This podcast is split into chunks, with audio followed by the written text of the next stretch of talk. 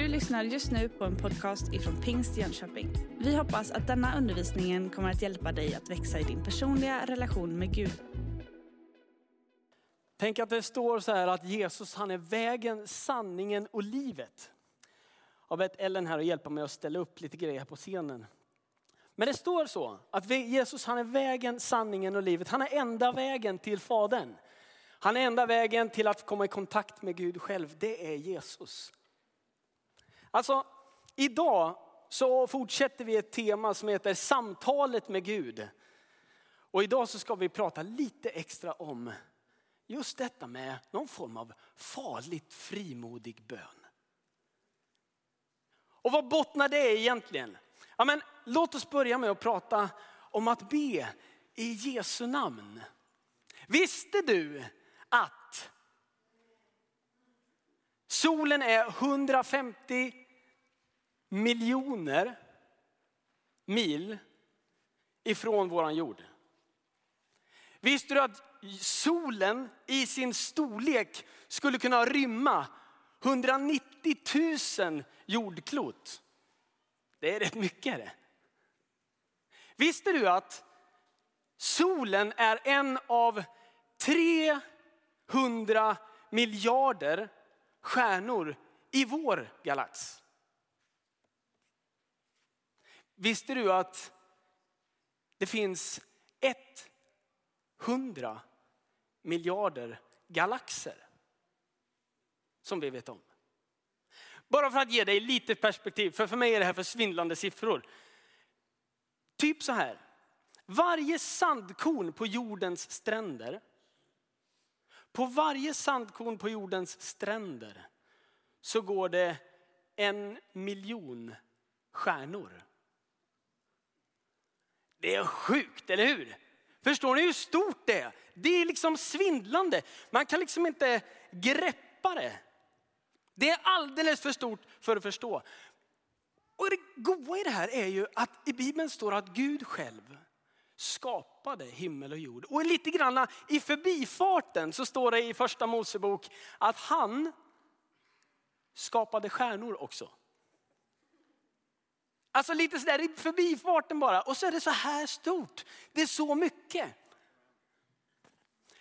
Förstår du vem det är du ber till? Om du vänder dig till Gud så påstår Bibeln att Gud, den vi tror på, Bibelns Gud är skaparen av allt detta. Han spänner liksom upp himlarymderna mellan sina fingrar på något sätt för att ge någon form av bild på hur stor Gud är i förhållande till vår verklighet och det vi kan se. Hur är det möjligt att vi som så små människor på den här pyttelilla planeten har fått förutsättningar att andas syre och leva ett liv och ta egna beslut. Hur är det möjligt att vi, små pyttesmå i den här stora verkligheten, kan ha en kontakt med Gud? Denna mäktiga, fantastiska någonting. Gud. Ja, på 1800-talet, eh, vid inbördeskriget i 1800-talet där i Nordamerika, så fanns det en soldat. Han var med i kriget och gjorde sitt bästa men miste tragiskt sin pappa i kriget och sin bror i kriget. Vilket då betydde att han var tvungen att ta sig hem till sin gård för att hjälpa familjen och få den att fungera. Det fanns ingen annan som kunde göra det. Och det enda sättet för den här soldaten att komma dit här var att få kontakt med presidenten. För presidenten var den enda som kunde entlediga honom från hans tjänst som soldat. Så han begav sig till Washington, där gick han så gott han kunde. Han tog sig fram, kommer fram till Vita huset och är förhoppningsfull för han har ändå tagit sig hela vägen dit. Han kommer, han knackar på, han möts av vakterna vid Vita huset, såklart. Som säger när han frågar, jag behöver få prata med presidenten. Svaret blir, tyvärr han är för upptagen. Och du förresten, Du är ju soldat, iväg med dig och kriga igen. Gör vad du ska, vi är ju i krig. Gå tillbaka till din tjänstgöring. Soldaten blir helt knäckt. Han går, sätter sig på en parkbänk inte långt därifrån och gråter. Och är fördärvad på något vis över läget i livet. Då kommer en liten pojke som uppmärksammar att han sitter där i soldatdräkten. Han kommer närmare och han ställer frågan, varför gråter du? Hur är det med dig? Nyfiken. Soldaten berättar då sin berättelse om tragiska olyckan med hans, med hans pappa och hans bror och att han måste få möta presidenten. Men det går inte. Då tar pojken och funderar ett tag så säger han, kom följ med mig. Och så tar han soldatens hand, leder honom genom trädgården, in vid Vita huset, genom dörren, förbi vakterna, vidare fram till dörren som borde vara det ovala rummets dörr. Där knackar han på och han öppnar dörren. Där står Abraham Lincoln och smider planer med sin utrikesminister. Han tittar upp mot dörren och så säger han, Hej Tad, vad kan jag hjälpa dig med? Och pojken svarar, pappa, den här mannen skulle behöva prata med dig. Sonen gjorde det möjligt för soldaterna att komma till den mäktige presidenten. Du och jag är totalt beroende av vad Jesus gjorde på korset för att vi ska kunna närma oss Gud. Jesus är den som har öppnat vägen för dig och mig genom sin död på korset, genom sin uppståndelse och visar att han står över döden. Han är livet själv och han visar att han öppnar vägen för dig och mig att kunna ha en relation med Gud. Han säger, du kan bli förlåten dina synder. Du kan bli fri från din skam och din skuld. Jag vill ge dig ett liv tillbaka. Jag vill ge dig en relation med mig igen. Jesus öppnar dörren. Hur är det möjligt att vi kan be till mäktige skaparen av universum? Det är tack vare Jesus. Det finns ingen annan som kan göra det möjligt. Du och jag kan inte lyckas ta oss in i heligheten eller i vita huset av egen duktighet. Vi är beroende av sonens gärning, död och uppståndelsen på korset.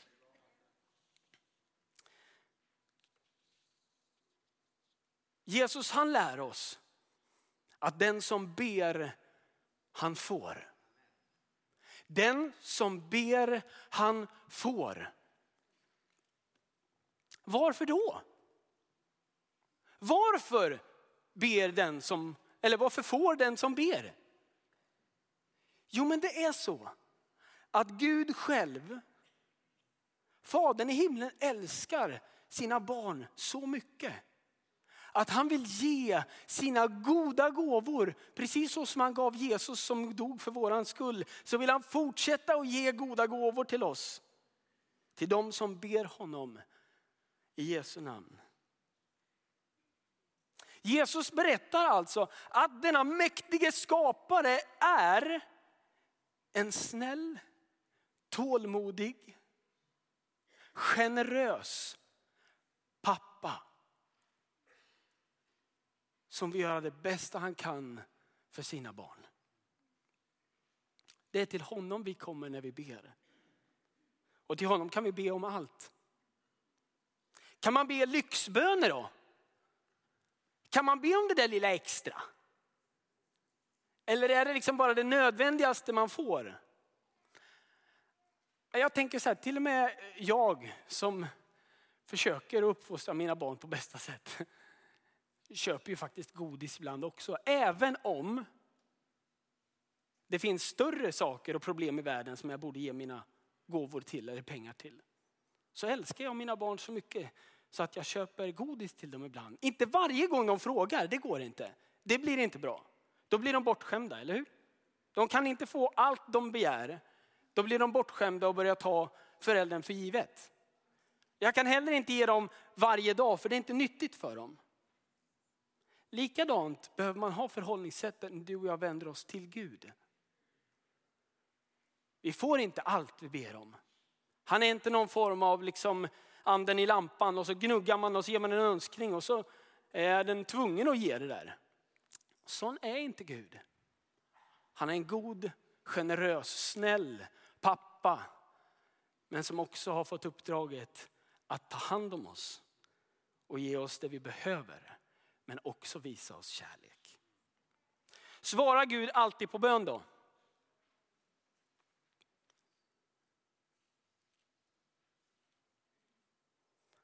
Kanske en av de mest luriga frågorna. Ja, det får man säga Tony.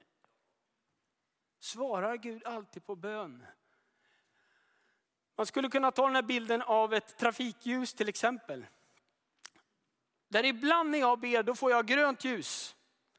Och ibland går det så fort så att jag hinner knappt blinka innan Gud faktiskt har svarat på bönen. Det är som att han redan visste vad jag skulle be om och rätt vad det var var det klart. Ibland tar det en liten stund. Ibland så är det till och med så att jag uppfattar att det blir orange eller gult ljus på trafikljuset och Gud säger vänta.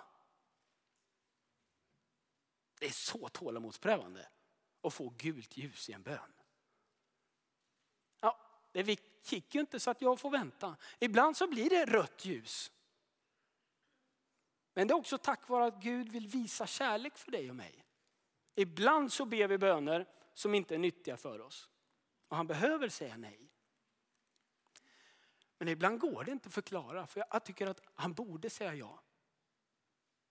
Han borde säga ja. Om ett par veckor då kommer vi prata mer om det här med obesvarad bön. Och jag skulle vilja tipsa dig att under det här temat om bön, missa inte en enda söndag. För jag tror att det här temat, samtalet med Gud som är så oerhört väsentligt för den personliga relationen med Gud. Missa inte en enda predikan och möte. För vem vet vad Gud gör i gudstjänsten när Guds folk möts och Jesus är här mitt ibland oss och vill hjälpa dig och mig. Så missa inte det som ligger framför. Men ibland när det blir rött, ibland är det så här som dominobrickor. Som står här på scenen. Ja, alltså, ibland känns det som att okej, okay, jag fick inte något svar. Jag fick inte grönt ljus. Men vad lär oss Bibeln då? Fortsätt be. Jesus säger, var enträgna i bönen. Ge inte upp, tjata på Gud till och med. Det är bilden han ger oss när vi ska se hur vi ska be. Det är som att vi liksom har bett den här första bönen, ställer första dominobrickan. Ja, men sen behöver vi ställa upp en till. Jag fortsätter att be. Jag har inte fått vad jag behöver, men jag vill ha det. Så jag ber en bön till. Sen ber jag en bön till. Och sen ber jag en bön till. Och efter ett tag så är det som att Gud ser också, hjälpes vad många dominobrickor det står efter den här bönen. Va? Det var väldans vad många böner. Och till slut så säger Bibeln också att ibland så blir Gud trött på att höra tjatet. Det är märkligt. Det verkar inte vara så för alla böner, men ibland verkar det funka. Precis som mina barns tjat på mig, om man får vara ärlig. Men till slut, då händer det där. Att Gud väljer att svara på bönerna. Och jag vill bara tipsa dig om att be ett steg i taget. Tänk inte bara att du ska be de stora, gigantiska bönerna. Var konkret i din bön. Be en bön i taget. En dominobricka efter en annan. Och låt det få bli tydligt för Gud vad du längtar efter. För han vill lyssna på dig när du ber. Okej, okay, nästa punkt. Din bön påverkar. Ibland kan man få mindervärdeskomplex när man lyssnar på andra som ber. Jag vet inte om du är bra på att be, om du uppfattar att du är grym på det. här. Jag kan känna att jag älskar att be, men jag vet inte om jag är särskilt bra på det. När jag sätter mig och försöker be, då blir det, oh, det blir alltid kortare än vad jag tänkt mig. Det blir lite mindre än vad jag trodde. Och så hade man någon form av, oh nu ska, nu Gud, nu ska vi sätta oss och ska du och jag prata. Och sen så kan jag inte koncentrera mig. Det börjar komma en massa andra saker och frågor i vägen. Så man bara pop, pop, pop, pop, pop, pop, pop, pop, pop, pop. Och så rätt vad det är så känner man, jag måste nog göra det där. Och så går man och gör någonting istället för att fortsätta och be. Ja, det är i alla fall verkligheten för mig. Ibland kanske man får mindervärdeskomplex för att det är så många duktiga bönemänniskor eller så här, som ber så fina böner. Det är som man blir överraskad. Bara, wow, det där var en riktigt vass bön. Alltså man lyssnar med på bönemöten och man bara, nej men wow, den där var cool. Nästan så att man tror att Gud själv bara, wow. Nej men, det där var en grym bön. Alltså, det där, du, bad, du, du använde till och med ord som finns i Bibeln. Wow! Det där är riktigt schyssta böner. Vi, du får 50 pluspoäng på det. Kaching! Och om man då dessutom råkar få någon som säger så här, amen till när man ber. Man ber och så är det någon annan då i samlingen som säger amen eller ja. I Jesu namn, amen, ja. Eller sådär. Det kan finnas de som tycker att det är skönt att göra. Jag tycker det är jättegott. Tänk om man skulle få poäng för det. Ja, fem poäng till. Kaching! Du, det där, du bad en sån grym bön, använde bibelord och grejer och sen var det någon som sa amen. Alltså, du ligger i topp just nu. Riktigt bra jobbat. Nej, jag är tacksam för att Gud inte tänker så. Oerhört tacksam. För då kan till och med jag få vara med. Ibland så kan jag bli uttråkad av bönerna. Det blir torrt. Jag känner inte att jag kommer någon vart. Jag ber en bön och det liksom händer ingenting och det bara fortsätter. Ibland tänker jag, kanske om Gud blir uttråkad av mina böner. Tänk om han tycker att det där var alldeles för tråkigt. Vad är det som gör det?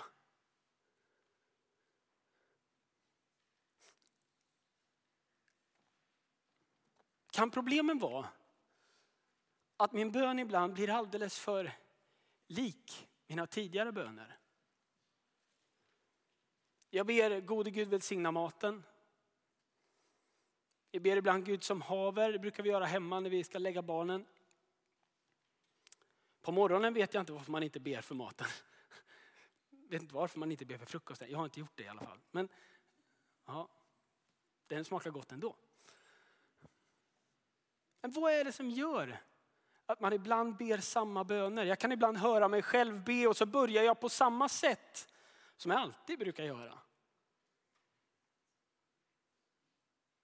Tänk om Gud själv, skaparen av universum, detta stora,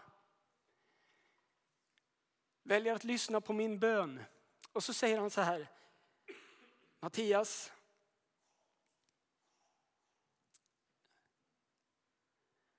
Varför ber de så lite när din bön skulle kunna påverka så mycket? Kom ihåg vem du ber till. Din bön påverkar. Det är Gud som gör jobbet, inte dina ord.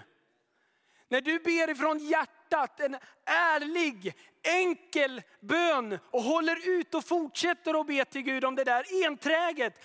Du vet, Gör det på ditt sätt. Men kom ihåg att det inte är dina ord som gör skillnaden. Det är Gud som gör skillnaden. Det är han som svarar på bönen. Det är han som är mäktig nog att genomföra någonting. Du och jag, vi får bara be. Din bön påverkar. Tänk om du kanske uppfattar ditt liv eller ditt kristna liv eller din tro som just nu monoton. Den är tråkig, den är inte sägande, det kommer ingenting nytt. Det liksom bara fortsätter och det känns inte livaktigt, det känns inte fullt av liv. Det känns torrt. Och då vill jag uppmuntra dig. Tänk om dina böner skulle få bli annorlunda. Tänk om du inte bara skulle be för det du alltid brukar be för, gode Gud välsigna barnen idag, var med dem i skolan, Kära Jesus, ta hand om Charlotta nu när hon är på jobbet. Eh, ta hand om vår släkt och familj, var med i församlingen. Be böner från hjärtat som inte är monotona, rutinmässiga. Utan testa dig fram och våga be en annan typ av bön. För din bön påverkar också ditt sätt att leva. Och låt mig få berätta lite kort om eh, Petrus och Johannes som valde att be farligt frimodiga böner. Den här berättelsen hittar du i Apostlagärningarna. Apostlagärningarna kapitel 4. Där börjar det. Och innan dess så har precis en man blivit frisk. Han har varit 40 40 år förlamad. Sen födseln har suttit vid porten och bett om pengar och hjälp. Och nu kommer Petrus och Johannes, de har mött den här människan, den här mannen. Och de säger vi har inga pengar. Så de sa, men det vi har, det vill vi ge dig. Stå upp i Jesu namn. Res dig upp i Jesu namn. I kraft av namnet Jesus, res dig upp. Och mannen reser sig upp. Han får kraften tillbaka i benen. Och han börjar springa runt om vartannat, hoppar om vartannat, runt om på tempelområdet. Och folk börjar känna igen honom. Folk börjar se, det där är ju, inte det han, det där är ju den lame mannen. Eller? Det, nej, jo, eller? Petrus ser det gyllene läget. Nu måste jag berätta om detta.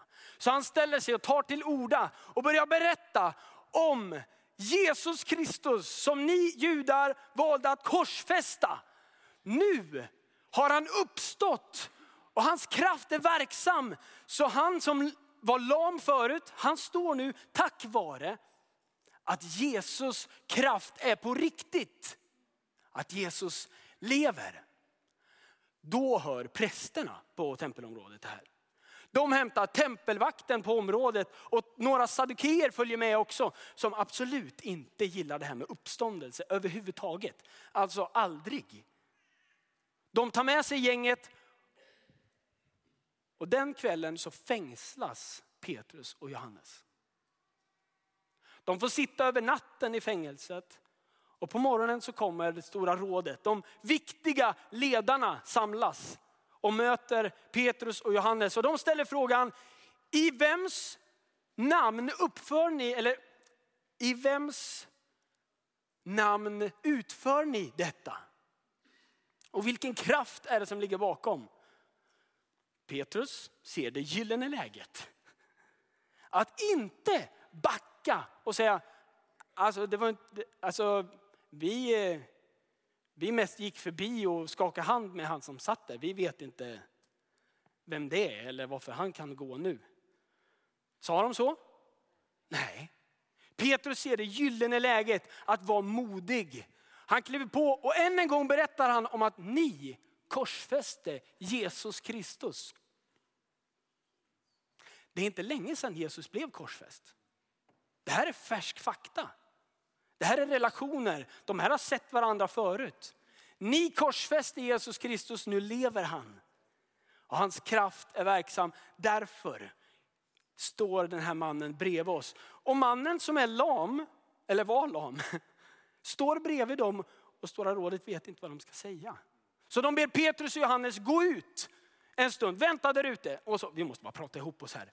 Alla ledarna möts i någon form av mafioso-upplägg här. Det är som att maffian i läge eh, på, på platsen träffas och de smider planer. De säger så här, vi vet ju att det har hänt ett mirakel.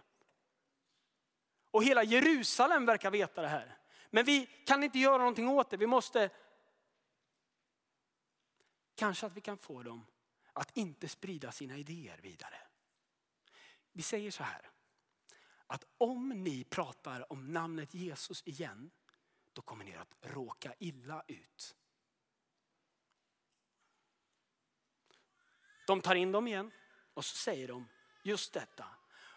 Om ni talar i namnet Jesus igen, då kommer ni att råka illa ut. Petrus, som verkar ha noll spärrar, bara säger ändå, ska vi lyda er mer än Gud? Ska vi lyda er mer än Gud?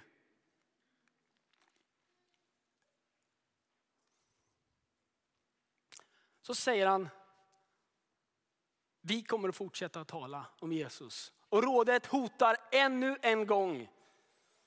Men de kan ju inte fängsla dem för att en man har blivit frisk. Så de får gå. De är fortfarande hotade, troligtvis till livet. När de möter sina vänner igen, vet du vilken bön de ber då? Petrus och Johannes efter att ha blivit hotade av någon form av mafiosotakt.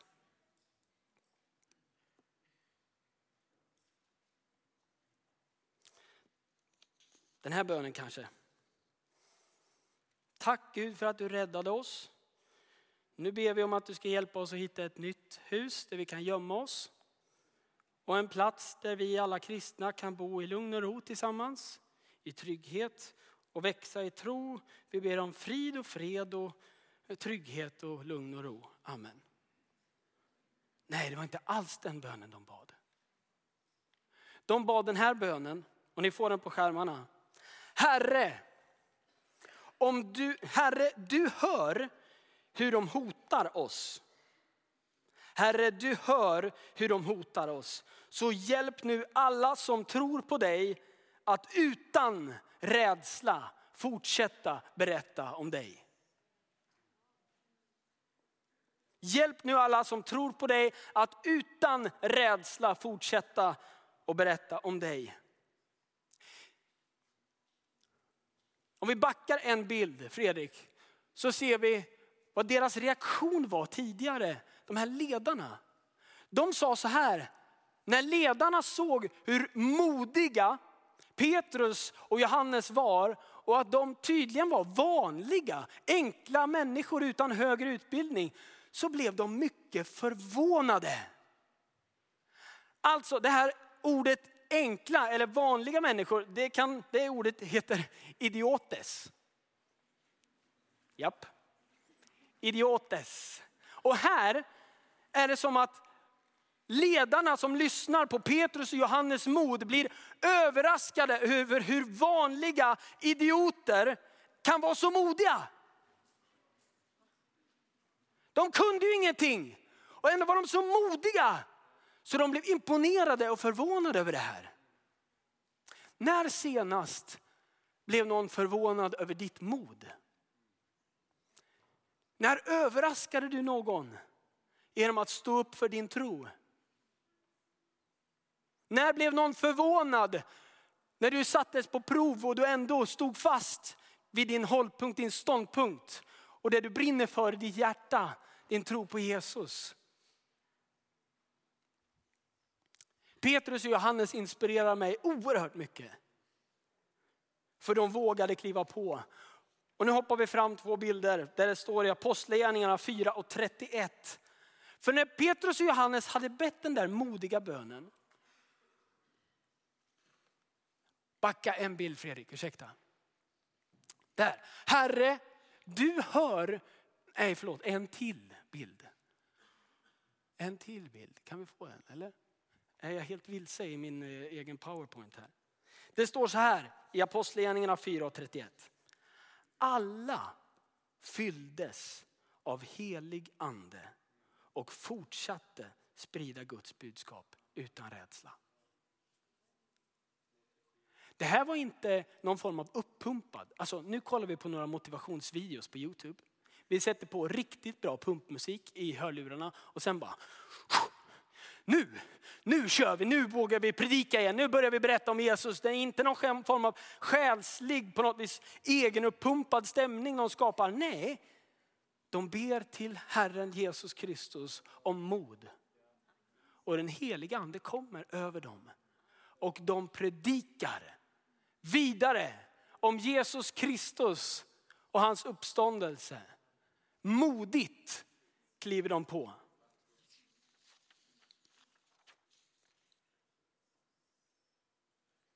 Vi ska gå mot avslutet nu. Jag kan be lovsångsteamet välkomna upp. Ni ska alldeles snart få höra en sång och lyssna till den.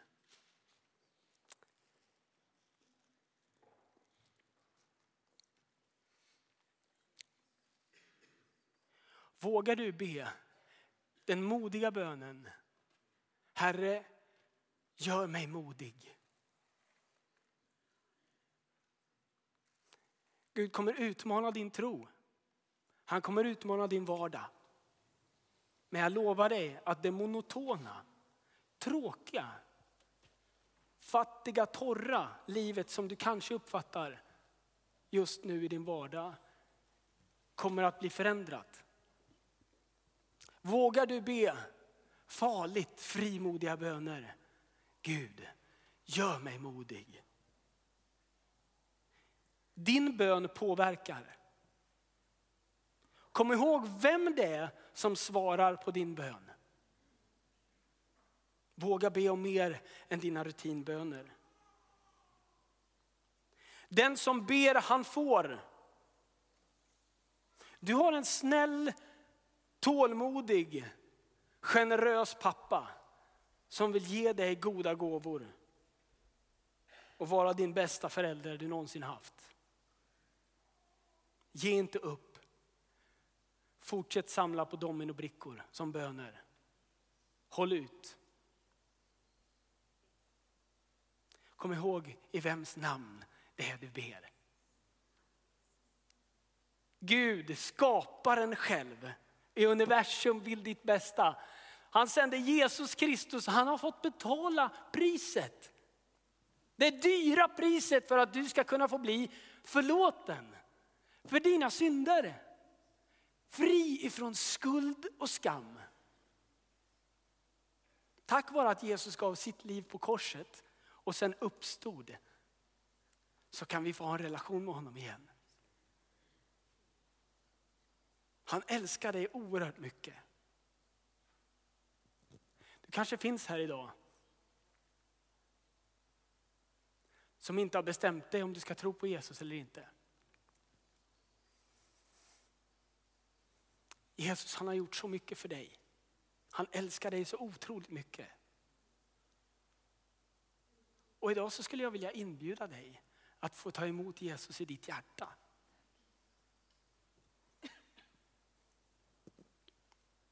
Det är inte de vackra orden som gör det. Kom ihåg detta nu innan jag ger den här inbjudan. Jag vill säga till dig, det är inte din kristna duktighet som spelar roll. Det är vad Jesus gjorde på korset för alla oss skitiga människor.